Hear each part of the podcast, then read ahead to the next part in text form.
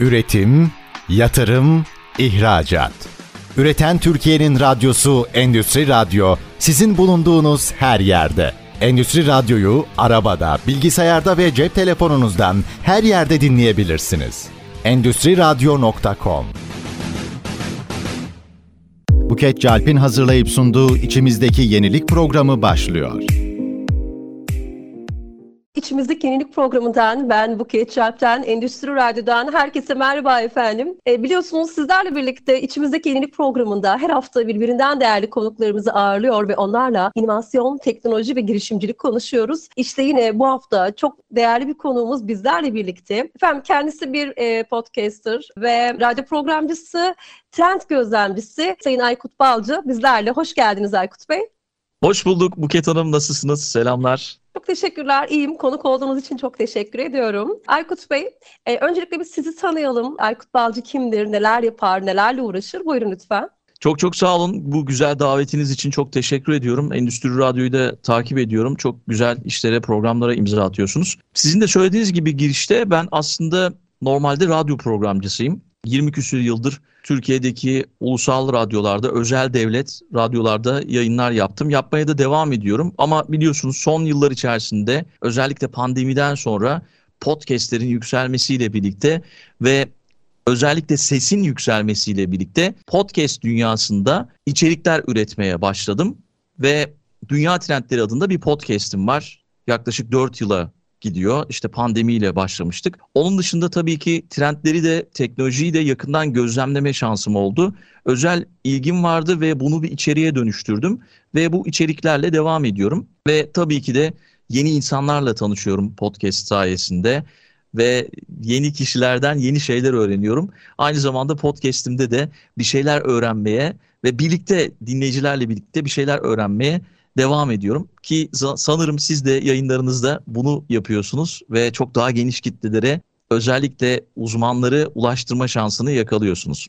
Evet, tam olarak böyle bir şansı sahibim. Endüstri medya ailesinde olmak gerçekten benim için çok güzel. Eski bir COBİ danışman olarak zaten e, tümüyle hedef kitlem COBİ'ler ya da büyük çaplı işletmeler. Aslında bizi birçok sektörden, birçok farklı mecralardan dinleyicilerimiz var. Dijitalden de dinleniyoruz, işte karasaldan da dinleniyoruz. Radyocu olmayı seviyoruz. Özellikle alanımla ilgili e, konuklarla sohbet etmeyi çok seviyorum. Ki biz programımızda inovasyon konuşuyoruz. İnovasyonla ilgili aslında sizin e, bakış açınızı anlayabilmek için literatürden uzak, bugüne kadarki mesleki deneyiminizden yola çıkarak inovasyon tanımı yapmanızı rica edeceğim Aykut Balcı için. İnovasyon nedir, ne değildir? Bir de girişimci kimdir, kim değildir? Buyurun lütfen.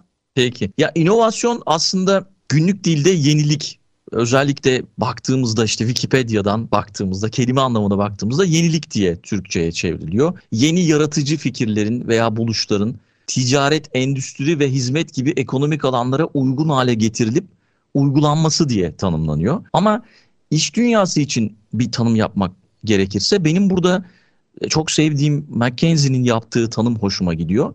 Şöyle tanımlıyor. İnovasyon müşterilerin benimsemesi için çığır açan ürün ve hizmetlerin geliştirilmesi ve pazarlamasının sistematik uygulamasıdır diyor McKinsey. Benim için de tam olarak bu. Gerçekten böyle inovasyon. Ama tabii ki herkes kendi farklı tanımını gerçekleştiriyor ama bazen de yanlış da anlaşılıyor inovasyon. Özellikle inovasyonla ilgili yaptığım yayınlarda danışmanlara hep şu soruyu soruyordum yani uzmanlara. İnovasyon nedir ne değildir sorusunu yöneltiyordum.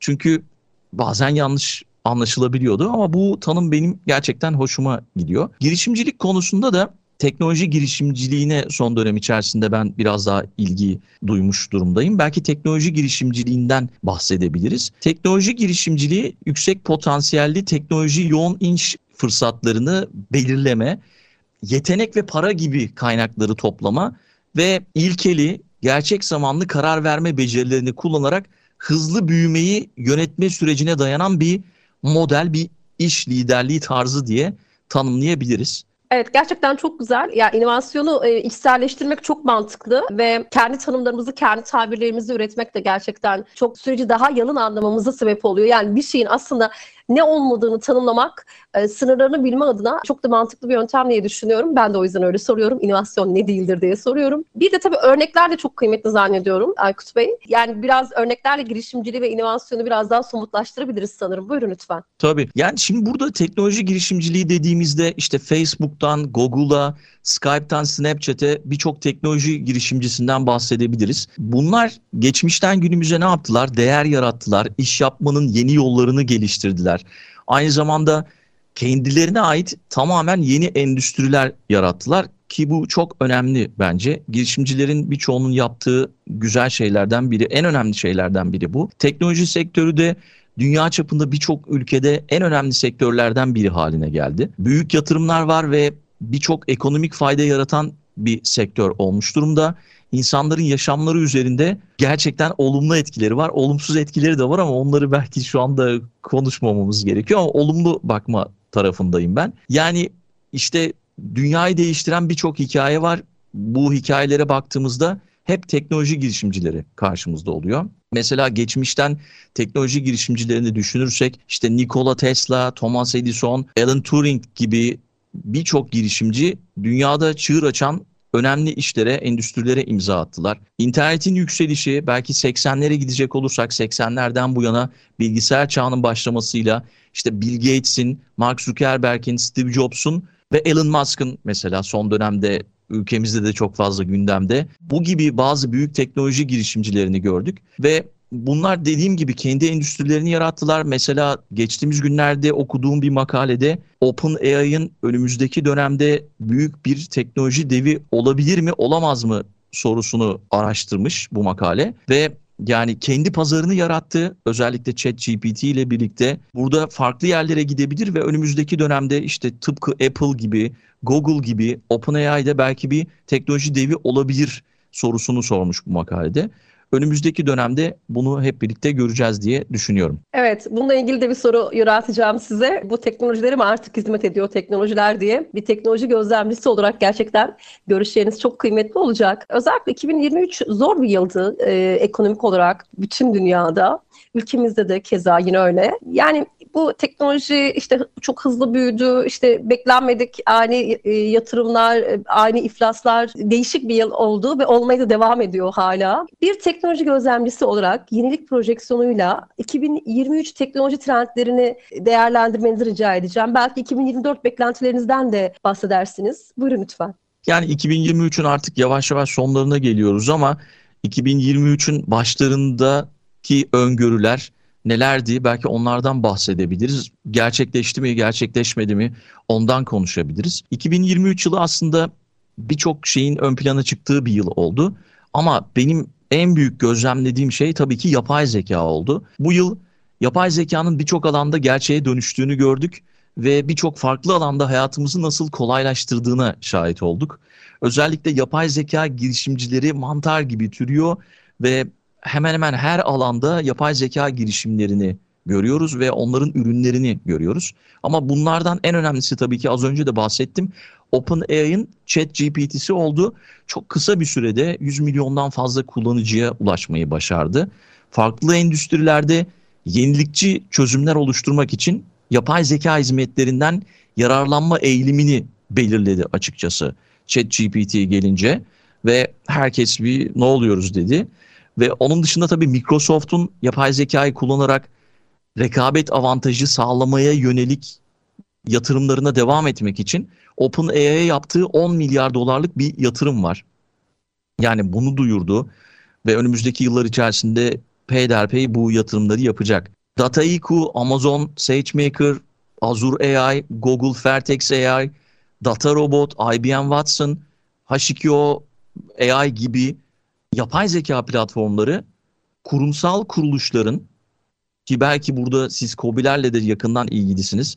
Onların da dikkate alması gerekiyor bunu. Yapay zeka ve makine öğrenmesi yetenekleri oluşturmasına ve olanak sağlama trendini sürdürdüler. Yani kısacası yapay zeka 2023 yılında sağlıktan eğitime, finanstan farklı sektörlere kadar birçok alanda yeni uygulamalarla ilerlemeye devam etti. 2024 yılında da yapay zeka kullanımı çeşitli sektörlerde belki verimliliğin kilidini açmak, müşteri deneyimlerini iyileştirmek ve çalışma şeklimizi dönüştürmek için kritik bir öneme sahip olacak diye düşünüyorum. Bir diğeri özellikle bu yıl içerisinde yine yükselişte olduğu yeşil teknoloji. Bu yeşil teknoloji gerçekten dönüm noktasında. Sizin de yanılmıyorsam bu konuda önümüzdeki dönemde çalışmalarınız olacak. Son 10 yılda teknolojideki sürekli gelişmeler sayesinde güneş ve rüzgar enerjisinin maliyetinin büyük ölçüde düştüğünü biliyoruz. İşte yenilebilir enerji kaynakları fosil yakıtlardan daha ucuz hale geldi. Bazı tahminlere göre fosil yakıtlardan yenilebilir enerjiye geçiş ekonomilerin 2050 yılına kadar dünya çapında 12 trilyon dolar tasarruf etmesine yardımcı olacak. İnanılmaz gerçekten. Bu konuda 2023 yılı önemli adımların atıldığı bir yıl oldu. Mesela özellikle güneş enerjisi konusunda bu yıl içerisinde bir yayın yapmıştım ve orada şöyle bir istatistik verilmişti. Güneş paneli üretiminde dünyada işte belli ülkeler Avrupa'daki belli ülkelerin lider olduğunu konuşmuştuk. Ama işte bu ay öğrendim ki güneş paneli üretiminde mesela Türkiye lider olmuş. Bu da çok önemli bir pazar. Bizim için de çok önemli. Hatta o konuğuma da telefon açıp sormuştum. Yani siz böyle bir istatistik vermiştiniz. Şimdi Türkiye nasıl oldu bu kısa sürede? Evet oldu dedi. Yani Türkiye güneş paneli üretiminde Avrupa'da lider hale gelmiş. Bu da sevindirici bir durum bence. 2024 yılında da bunun etkilerini göreceğiz diye düşünüyorum. 2023 yılında bir başka önemli şey trend diyebileceğimiz kuantum hesaplama. Kuantum konusunu uzun yıllardır çok fazla duyuyoruz ama hala geliştirme sürecinde henüz başlangıç aşamasında olan bir teknoloji. İşte devletler özellikle Çin çok büyük yatırımlar yapıyor, endüstri yatırımları yapıyorlar. Ama önümüzdeki yıl donanım ve yazılımda hızlı bir ilerleme görmemizin bence potansiyeli var diye düşünüyorum. Ve kuantum ürünlerinin de piyasaya çıkmaya başlayacağı anlamına gelebilir bu. Önümüzdeki yıl yine kuantum etkili olacak. Genetik özellikle bu alanda önemli gelişmelerin olduğu bir yıldı. 2024'te de bunu bekleyeceğiz. Ve tabii ki bilmiyorum siz de fark ettiniz mi o süper app'ler bu yıl çok fazla ön plandaydı. Platformlar her bir görevi gerçekleştirmek için hedeflenen mini uygulamalar seçimi aracılığıyla kişiselleştirilmiş uygulama deneyimleri sundular bize ve 2024'te de bunu sunacaklar. Gartner'ın yaptığı şöyle bir araştırma var. 2027 yılına kadar dünya nüfusunun %50'sinden fazlasının her gün birkaç süper uygulamayı aktif olarak kullanacağını öngörüyor. Bu da öne çıkan bence 2023 yılında konuştuğumuz 2024 yılında da konuşacağımız trendlerden biri. Daha birçok trend var aslında 2023'te. Belki benim atladıklarım da vardır. Sizin eklemek istedikleriniz vardır bilmiyorum. Gerçekten e, çok güzel aslında e, özetlediniz. Ben aynı zamanda bir kuluçka merkezinde çalıştığım için gelen girişimler ya da yatırım talepleri zaten e, bu sektörlere yönelik. Ben de Gartner'ı sıkı takip eden bir iş profesyoneli olarak özellikle webinarlarına vakit buldukça katılmaya çalışıyorum. Ve özellikle üretken yapay zeka çok ciddi açık ara özellikle son 6 ayda bütün sektörlerin önüne geçti diyebiliriz. Aynı zamanda yine bizim özellikle üniversitede Marmara Üniversitesi'nde ilgilendiğimiz sağlık teknolojileri oldukça e, göze çarpan, öne çıkan ve diğer sizin bahsettiğiniz teknoloji alanları da öne çıkan alanlardan ve daha da güçlenerek artacak diye düşünüyorum. Yapay zeka çünkü hepsini yeniden şekillendirecek belki de. Şimdi bu bölüm için kısa bir araya gitmek durumundayız. Reklamlardan sonra ikinci bölümde devam edeceğiz. Üretim, yatırım, ihracat. Üreten Türkiye'nin radyosu Endüstri Radyo sizin bulunduğunuz her yerde. Endüstri Radyo'yu arabada, bilgisayarda ve cep telefonunuzdan her yerde dinleyebilirsiniz. Endüstri Radyo.com Tekrar merhaba. İçimizdeki yenilik programı Buket Calp ile devam ediyor efendim. Bu haftaki konuğumuz Aykut Balcı. Kendisiyle birlikte teknoloji trendlerinden bahsediyoruz. 2024 yılı ilgili öngörülerinizden bahsettiniz. Şimdi özellikle generative AI yani üretken yapay zeka ve dijital inovasyonlar. Bu alandaki gelişmeler insanı teknolojide yeniden konumlanmaya iter mi? Yani biz artık teknoloji için, AI için inovasyon geliştiren, teknoloji geliştiren bir modele mi dönüşeceğiz? E, çünkü ki bundan önceki süreçte insan için teknoloji diye bir süreç vardı. Artık yapay zeka için teknoloji diye bir şey mi olacak? Böyle karmaşık bir duruma geldi gibi e, görüyorum ben. Siz ne düşünüyorsunuz? Buyurun lütfen. Evet yani ben de son dönemde üretken yapay zekayı araştırmaya başladım. Hatta böyle bu konuda yayınlar yapalım diye istekler de gelmeye başladı. Özellikle LinkedIn'de çok fazla paylaşım görüyorum bu konuyla alakalı. Üretken yapay zeka ve dijital inovasyonlar insanların teknolojiyle daha derin ve belki de karmaşık bir etkileşim içine girmelerini sağlayabilir. Mesela örnek verelim daha akıllı ve kişiselleştirilmiş hizmetler, ürünler ve deneyimler sunarak insanların yaşamlarını kolaylaştırabilir. Bu kullanıcıların daha fazla veri toplamasını ve analiz etmesini gerektirebilir. Bu da insanların teknolojiye daha fazla bağımlı hale gelmesine neden olabilir. Bu da belki hani olumsuz yönü diye düşünülebilir. Ama inovasyon süreçlerine baktığımızda üretken yapay zeka inovasyon süreçlerini tabii ki hızlandırabilir ve genişletebilir bu konuyu. İşte veri analitiği, makine öğrenimi, yeni ürünler ve hizmetlerin tasarımı ve geliştirilmesi bunda önemli bir rol oynayabilir. Onun dışında geleneksel inovasyon süreçlerini de değiştirebilir. Bunu da düşünebiliriz ve artık daha fazla teknik yeteneğin de gerekli olabileceğini düşünüyorum. Özellikle sizin çalıştığınız ortamda bu konuyla alakalı ben de bir soru yöneltmiş olayım size. Bu konuyla alakalı çalışmalar yapanlar var mı? Yapan girişimler var mı? Merak ettiğim için sordum. Çok fazla var ve e, çok hızlı ilerlediği için yapay zeka aslında şöyle söyleyeyim. Biz bir yaratıcı endüstriler merkeziyiz e, Marmara Üniversitesi olarak. Yaratıcı endüstrilerde yapay zekanın kullanımı ile ilgili çok yakın bir tarihte Aralık ayında çok da yakın değil aslında. E, çok güzel bir çalıştay yapacağız. Bu alanda yani müzisyenler, sinema sanatçıları bu alanı yani yapay zekayı kullanarak ürün geliş geliştirme süreçlerine hakim olabilmek için bizden eğitim taleplerinde bulunuyorlar. Bu alanda yapay zeka araçlarını çok iyi kullanan girişimciler bize ulaşmaya çalışıyor. Yani başka merkezlere dolaşıyorlar aslında. Yani şöyle söyleyeyim ben iki yıldır o merkezde çalışıyorum. Tabii öncesinde de bir COBİ danışmanlığı geçmişim var. Benden istenen talepler o kadar farklılaştı ki. Yani bir sene önce bir girişimcinin benden istediği destek, mentorluk içeriği, program çok farklıydı. Şu anda çok farklı. Ve ben de bu alanda yüksek lisans yapmaya başladım. Daha dersler başlamadı ama e, bilgisayar mühendisliğinde bir özel bir üniversitede. Tümüyle Big Data ve üretken yapay zeka çalışacağım inşallah. Hatta şöyle söyleyeceğim, girişimcilik süreçlerini yapay zeka nasıl geliştirebiliriz diye Şimdi isim vermek istemediğim bir şirketle, çok tanınmış bir şirketle bir program geliştirmeye çalışıyoruz. Ve aynı zamanda bu benim yüksek lisans tezim olacak. İnanılmaz heyecanlıyım Aykut Bey. Belki de söylemem gereken şeyleri bile söylemiş olabilirim. Harika. Yo gayet iyi yaptınız. Ya şöyle e, son dönem içerisinde herkesin böyle bir kaygısı var ya işte hani çok evet. fazla duyuyoruz. Yapay zeka gelecek, işlerimiz elimizden alınacak diye. Ama aslında tam tersi yapay zeka işlerimizi, süreçlerimizi kolaylaştırıyor ve işte iş yapış şekillerimizi değiştiriyor ve yapay zekanın artık hemen hemen her sektörde, her alanda olması gerekiyor. Belki bir avukatın yapay zeka bilmesi gerekiyor, bir doktorun bilmesi gerekiyor. Farklı meslek gruplarında az önce işte sinema sektöründen bahsettiniz, müzik endüstrisinden bahsettiniz. Hepsinin içerisinde herhalde artık yapay zeka olacak ve yapay zeka bilmeden de olmayacak diye düşünüyorum. Kesinlikle ben de sizin gibi düşünüyorum. Ben bundan 3 sene önce bir yazı yazmıştım. Gelecekte bütün işleri yapay zeka yapacaksa biz insanlar ne yapacağız diye.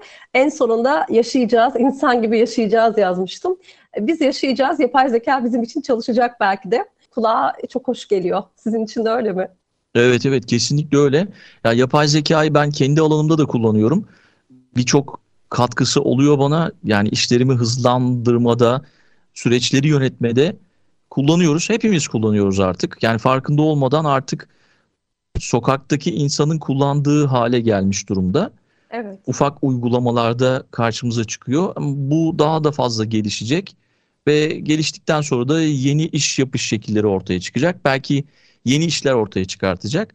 O yüzden yani kimse kaygılanmasın. Yapay zeka gelecek, işinizi kaybetmeyeceksiniz ama belki o yeni işlere adapte olmayanlar ortadan kalkacak yani. Öyle düşünebiliriz. Ama yapay zeka her zaman işimizin içinde gelecekte de olacak. Bu konuda kendini geliştirenler bence her zaman kazanacak diye düşünüyorum. İnşallah diyelim ve diğer soruma geçelim müsaadenizle. Bir trend gözlemcisi olarak trendlerin nelerden etkilendiğini aslında ben gerçekten çok merak ediyorum. Çünkü bizde girişimciler, yatırımcılar e, bu trendlere göre aslında yönelim gösteriyorlar. Çok kıymetli bir alan. Özellikle ben LinkedIn'deki hesabınızı aktif takip eden bir takipçiniz olarak e, çok güzel içerikler paylaşıyorsunuz. Bir paylaşımınızda işte yaşam deneyimleri oluşturmak için seyahat neden önemli diye bir içerik hazırlamıştınız. Ben oradan aslında ilham olarak bir soru yöneltmek istiyorum. En son yaptığım yurt dışı gezisinde teknolojideki farklılıklar üzerinden bir gözlem oluşturmuştum ve bizden önde olan ya da bizden geride olan teknolojiler için yaşadığım uyum ya da uyumsuzluk arasındaki o karmaşa bana şu İbni Haldun'un şu lafı var çok meşhurdur coğrafya kaderdir diye.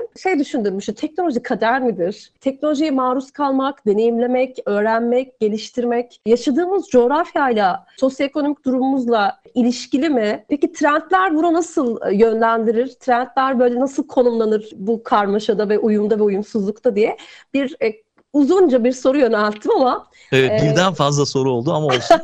evet umuyorum çok güzel bir cevap evet. gelecek sizden buyurun lütfen. Şimdi burada aslında şey Orta Avrupa seyahatinizde yaptığınız gözlemler çok çok değerli diye düşünüyorum. Ben de biliyorsunuz Almanya'da yaşıyorum ve Almanya'da özellikle yaptığım gözlemlerde teknoloji kullanımı konusunda bizden bazı alanlarda çok çok gerideler. Bu neden bilmiyorum. Yani kültürle alakalı olabilir ya da belki biz yanlış yapıyor olabiliriz. Tabii teknolojiyi kullanmak, elimizdeki akıllı telefonları kullanmak anlamına gelmiyor. Hepimiz çok fazla vakit geçiriyoruz sosyal medyada veya sosyal medyayı aktif bir şekilde kullanmak anlamına gelmiyor. Ama en basit bile işte yani e-devleti kullanmak, onun dışında mektup kullanmamak, nakit para kullanmamak gibi bu tip alışkanlıkları edinemediğini görüyorum Almanya'dakilerin. Pandemide şöyle bir deneyimim oldu. Herkes temassız ödemeye geçti. Mecburen çünkü zorunluydu biliyorsunuz. Çok da pratik, hızlı bir şekilde ödemenizi yapabiliyorsunuz. Ama Almanlar pandemi bittikten sonra tekrar nakit ödemeye geri döndüler. Şimdi bu teknolojiyi kullanma açısından beni düşündürdü. Yani onlar var olan muhafazakarlık mı diyelim ne diyelim ondan vazgeçmiyorlar mesela. Yani bazı ülkeler belki de o teknolojiyi yaratıyor ama geçişi hızlı bir şekilde yapamıyorlar. Bazı şeyler pratik değil. Burada belki bir takım e, maddeler üzerinden gidebiliriz. Mesela erişilebilirlik, teknolojiye erişim coğrafya ve sosyoekonomik durumla yakından ilişkili. Evet, buna katılıyorum. Gelişmiş bölgelerdeki insanlar daha fazla teknolojiye erişim sağlama eğilimindedirler ve bu da daha fazla eğitim, altyapı ve ekonomik kaynaklarla desteklenir. Dolayısıyla teknolojik gelişmelerin yayılma hızı ve kapsamı coğrafi bölgelere göre değişebilir. Ama burada işte mesela Almanya'da gördüğüm yaşadıklarım biraz bununla tezat olabiliyor. Biraz kültürü de işin içine katabiliriz belki. İşte eğitim ve yetenekler ikinci madde. Burada teknolojiyi anlama ve kullanma yetenekleri çok önemli. Eğitim seviyesi ve yetenekle ilişkili diyebiliriz buna. Daha eğitimli ve yetenekli toplumlar genellikle teknolojiyi daha derinlemesine keşfediyorlar ve yeni teknolojilere daha hızlı adapte olabiliyorlar. Diğer bir madde iş gücü ve inovasyon. Mesela iş gücü becerileri ve inovasyon kapasitesi teknoloji gelişimini oldukça etkiler. İş gücü teknolojik ürünlerin tasarımı, üretimi ve bakımında önemli bir rol oynar ve inovasyon kapasitesi yeni teknolojileri yaratma ve mevcut teknolojileri geliştirme yeteneği anlamına da gelebilir. Ve tabii ki ekonomik kaynaklar. Bu da çok çok önemli. Teknoloji gelişimi ve benimseme süreçleri ekonomik kaynaklara genellikle bağlı. Almanya örneğini dışarıda tutabiliriz belki. Teknolojiyi geliştirmek ve uygulamak için finansman gerekli. Evet. Bu nedenle ekonomik durumda teknolojiye erişim ve benimseme üzerinde bence büyük bir etkiye sahip. Dolayısıyla aslında baktığımızda trendler de biraz buna göre şekilleniyor diyebiliriz. Peki ben de size sorayım. Orta Avrupa'da mesela ne sizi şaşırtmıştı? Bundan biraz bahsedebilir misiniz? Yani ee, gerçekten onlar... bana e, ben benden daha çok soru soran konuk yapmışlar. çok teşekkür ederim. Bir gün, Merak ettiğim e... için soruyorum. E, bir gün şöyle oldu Aykut Bey. Bana e, bir konu şey sordum. Peki sizin için inovasyon nedir diye sordu gerçekten. Çok zorlanmıştım bir an böyle ne söyleyeyim ne yapayım diye. Soru sormak kadar soru almak da heyecan verici gerçekten. Şöyle özellikle kaldığım oteldeki otel teknolojileri ve restorandaki o hani açık büfedeki kullanılan teknolojilerin çok yetersiz olduğunu fark etmiştim Türkiye'ye göre. Çünkü biz gerçekten turizm konusunda çok fazla ilerideyiz. Birçok e, dünya ülkesinden ilerideyiz. Yani bunu birçok arkadaşımla da konuşuyorum ben. Aynı düşüncedeyiz. Orada oldukça iyiler. Fakat mesela iş konusunda e, yani işte teknoloji kullanma konusunda gerçekten bizden daha iyiler. Ya bu sadece teknolojik araç ya donanım olarak düşünmeydim. İşte uygulama ev kullanmakta çok e, mahirler. Yani ve daha böyle teknolojiyi iş süreçlerine entegre etmede daha yetenekliler diye düşünüyorum ama gündelik yaşamda özellikle oteldeki yani bir an böyle hani şey çaresiz kaldım. Yani kurutma makinesinin mesela o eskiliği, ayarının olmaması, hani saçım yanacak artık diyorum. O kadar kötü ki ve de çok da aslında güzel lüks bir otel ama elimizdeki hani mevcut donanım bu demişlerdi. Bu iki örneği verebilirim size. Evet, hizmet sektöründe biz çok çok daha iyiyiz. Söylediğiniz gibi özellikle belki Avrupa'daki yasalardan da kaynaklı bu. Bankacılık alanında inanılmaz iyiyiz. Yani işte mobil bankacılığı inanılmaz kullanıyoruz ve özellikle Almanya'daki mobil bankacılığa bakıyorum. Bir de Türkiye'deki bankaların mobil bankacılık şubelerine bakıyorum. Arada dağlar kadar fark var. Birçok şeyi mesela mobil bankacılıktan Almanya'da yapamıyorsunuz. Hatta hala işte şubeye gitmeniz gereken durumlar oluyor. Müşteri hizmetleriyle çözemiyorsunuz bazı şeyleri. Şifrenizi kaybettiyseniz mesela yandınız. Yani illa şubeye gitmeniz gerekiyor. Daha pratik çözümler üretiyoruz belki biz. Ve bu teknolojiye adapte olma mıdır? Bir soru işareti belki. Ama daha hızlı olduğumuz kesin. Hizmet sektöründe daha iyi işler yaptığımız, daha pratik çözümler ürettiğimiz kesin. Ve onun dışında dediğiniz gibi belki endüstride onlar çok daha fazla kullanıyorlar teknolojiyi. Farklı ülkeler çok daha başarılı bir şekilde kullanıyorlar. Ama zamanla bu ilerleyecek diye düşünüyorum. Yıllar önce bir konferansa katılmıştım. Orada temassız ödemelerden bahsediliyordu. Yani işte kartlarda böyle yeni yeni başlamıştı temassız ödeme ve işte Güney Kore'den bir örnek vermişlerdi. Güney Kore'li insanların %90'ının temassız ödeme kullandığını söylemişlerdi. Bu bana inanılmaz garip gelmişti o zaman. Temassız ödemenin bize yeni geldiği dönemde. Nasıl olur dedim %90 ülkede insanlar niye temassız kullanır? Sonra baktık ki hepimiz artık temassız ödemeyi kullanıyoruz. Ama işte az önce Almanya'da verdiğim örnekte belki Almanya'nın o teknolojiyi benimseme e, süresinin ne, neden uzun olduğunu olabileceğini, bazı teknolojileri ülkelerin benimsemesinin neden uzun olabileceğine dair bir örnek olabilir diye düşünüyorum. Evet, kültürle gerçekten çok ilişkili çünkü. Bunu davranış bilimlerinde çok enine boyuna inceliyoruz. Bir yönetim bilimci olarak ben de inovasyonun özellikle yaygınlaşması konusunda davranış bilimlerinde bu konuları oldukça okumuş, tartışmış ve programlarımda sıkça aslında konuşmuştum. E, çok önemli bir konu olduğunu düşünüyorum. Bu bölüm içinde kısa bir es verme vakti geldi. E, dilerseniz reklamların ardından tekrar devam edelim. Buyurun lütfen. Üretim, yatırım, ihracat. Üreten Türkiye'nin radyosu Endüstri Radyo sizin bulunduğunuz her yerde. Endüstri Radyo'yu arabada, bilgisayarda ve cep telefonunuzdan her yerde dinleyebilirsiniz. Endüstri Radyo.com Endüstri Radyo'da içimizdeki yenilik programında Buket Çarp'la birlikteyiniz devam ediyor efendim. Üçüncü ve son bölümde karşınızdayız. Bu hafta konuğum trend gözlemcisi Sayın Aykut Balcıoğlu. Kendisiyle birlikte teknoloji trendleri, e, inovasyon ve inovasyonun yaygınlaşma süreciyle alakalı aslında konuşmalar yapıyoruz. Birinci ve ikinci bölümde hazırladığım soruları kendisine yönelttim. Ve artık son bölümde aslında siz birçok farklı alanda yenilik geliştiren kişi ya da kurumlarla teknoloji odaklı içerikler, podcastler hazırlıyorsunuz biliyorsunuz. Genelden özele aslında her sektörün, kurumun, kişinin e, ve hatta teknoloji sürecinin kendisinin bile bir yönelime, bir gelişim süreci var. Peki sizin için en ilgi çekici, insanlık tarihinin geleceğini şekillendiren, belki de tırnak içerisinde bizi teknoloji oyuncağına çeviren sektör nedir? E, hangisidir? Veya daha basit de olabilir aslında. Yenilik hangisidir? Size bırakıyorum. Buyurun lütfen. Aslında birçok şey var ama şeyi hatırlıyor musunuz Buket Hanım? Ginger diye bir şey çıkmıştı. Yüzyılın icadı diye sunmuşlar yapmışlardı onu. Evet. Böyle ondan sonra yani Ginger'dan sonra Scooter'a geçtik ama hala görüyorum havalimanlarında bazen kullanıyorlar o. Hiç sokak düzeyinde kullanan da görmedim ama 100 yılın icadı diye anons etmişlerdi böyle. Evet. Ya aslında yani çok garip böyle bazen işte öngörülemeyen şeyler oluyor. Belli bir zamanı da var biliyorsunuz bu trendlerin. Mega trendler var, işte normal trendler var ve giga trendler var.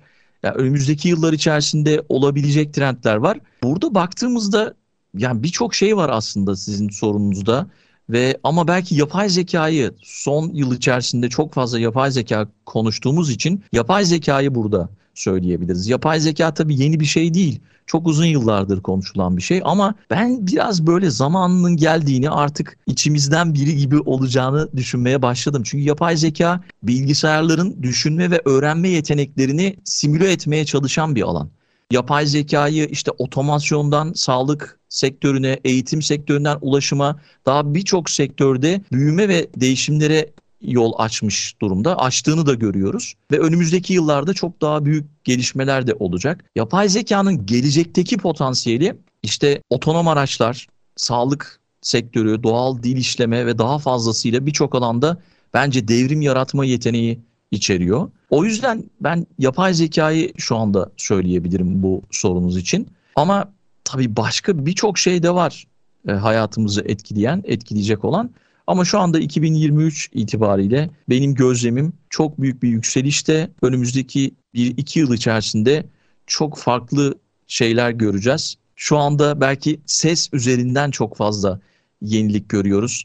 İşte sesin klonlanması, işte görüntünün klonlanması, işte altyazıların eklenmesi, işte ChatGPT ile birlikte belki bu yükseliş sürecinde ama önümüzdeki yıllarda çok farklı sektörlerde farklı şeyler göreceğiz. Bu sorunuza yapay zeka diyebilirim. Ben de size katılıyorum. Gerçekten üretken yapay zeka bütün trendleri alt üst edecek kabiliyeti sahip diye düşünüyorum. Kendi trendini kendi oluşturacak bir dönemdeyiz. Yapay zeka ile ilgili beklentiler gerçekten çok yüksek. Ben özellikle sanat sektöründe gerçekten çok ucu açık harika bir dönem bizi bekliyor diye düşünüyorum. Özellikle müzik sektörü o kadar yani müzikte görsel şölen aynı anda e, inanılmaz çok keyifli projeler var. İzlemeye doyamadığım eski müziklerin eski tablolarla birlikte özellikle yeniden hayat bulması ve yeni yorumlar getirilmesi telife tırnak içerisinde e, tabii başka bir programda konuşmak lazım belki bir telif uzmanıyla birlikte ama telife çok girmediği sürece çok keyifli ve çok güzel olduğunu düşünüyorum ben. Güzel bir alan.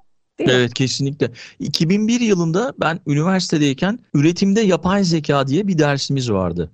Aradan 22 yıl geçmiş. Yani daha yeni yeni belki üretimde yapay zekayı evet. son yıllar içerisinde görebiliyoruz. Yani 20 küsür yıl önce bu düşünülmüş, bu kitap haline getirilmiş, ders haline getirilmiş.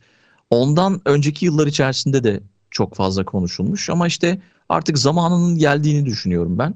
Her sektörde, farklı alanda fayda sağlayacak bence. Ya tabii ki yani yapay zekanın bir kere üretimde yapay zekanın çalışabilmesi için çok fazla veri birikmesi gerekiyor. Yani dijitalde veriye ihtiyacı var yapay zekanın. O yıldan bu yıla tabii bütün gelişen yazılımlar, bütün yöntemler o alandaki datanın artmasına ve yorumlanmasına aslında sebep oldu. Çok da güzel bir süreç bizi bekliyor dedim ama bir yandan da gerçekten sürekli değişen bu trendler girişimcileri ve e, yatırımcıları olumsuz da etkileyebiliyor. Özellikle ülkemizde son dönemlerde yatırımla yatırım alan birçok farklı teknolojiden e, girişimin beklenen atılımı gösterememesi diye bir haber okumuştum geçtiğimiz günlerde. E, bu da etkileyici bir şey aslında. Yani bugün trend olan şey acaba gelecekte trend olacak mı? E, bugünün trendi yarının nesi diye böyle bir denklemler içerisinde girişimciler ve yatırımcılar teknoloji geliştirmeye çalışıyorlar. O yüzden trend analizleri gerçekten çok kıymetli. Trend oluşumunda birçok boyut var tabii. Politik boyut, belki ekonomik boyut demeliyiz. E, belki de en önemlisi. Siz bir trend takipçisi olarak politik veya ekonomik tutarlılığı olan, trend olma yolunda ilerleyebilen, teknoloji, inovasyon, da olmazsa olmaz neleri gözlemliyorsunuz? Ne oluyor da trend olmayı başarıyorlar merak ediyoruz. Buyurun lütfen. Yıllar önce bir kitap okumuştum. Magnus Linkvist adında bir trend avcısı. Kendisini trend avcısı olarak nitelendiriyor bu yazar. Trendleri de takip ediyor. O o kitabında şöyle diyordu. Bir trend avcısı olarak kesinlikle hiçbir şey bilmemekle iftihar ediyorum. Böyle bir şey demişti. Bu çok hoşuma gitmişti.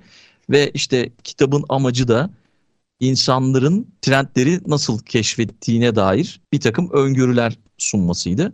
Benim hoşuma giden kitaplardan biri belki hani trendleri yakından takip etmek isteyenler için bir önerimiz olabilir bu kitap. Başarılı bir teknoloji trendi oluşturmanın anahtarı politik ve ekonomik faktörleri dikkate alarak toplumsal ihtiyaçları ve sorunları çözebilen yasal ve politika destekleri alan aynı zamanda belki ulusal güvenlik ve savunma ihtiyaçlarına katkı sağlayan, küresel işbirlikleri kurabilen, sürdürülebilir ve çevresel teknolojilerle uyumlu ve bu teknolojileri geliştirmek ve bu teknolojileri yetenekli insan kaynakları desteklemek için kullanabilir, kullanmalıdır diye söyleyebilirim. Anahtar olarak bunu söyleyebilirim.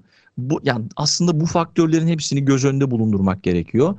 Teknoloji trendinin başarıyla başarıya ulaşması için belki bir yatırım yapma şansı olması için bu faktörlerin hepsinin bir arada olması gerekiyor. Çok böyle bir genel cevap gibi oldu ama şu an fark ettim. Ama yani bunların hepsinin dikkate alınması gerekiyor. Ne trend oluyor? Nasıl trend oluyor? Trend olmayı başarabiliyor derseniz hemen olmuyor tabii ki bu trend. Belli bir zaman geçmesi gerekiyor. İşte az önce yapay zekada örneğini verdiğimiz gibi.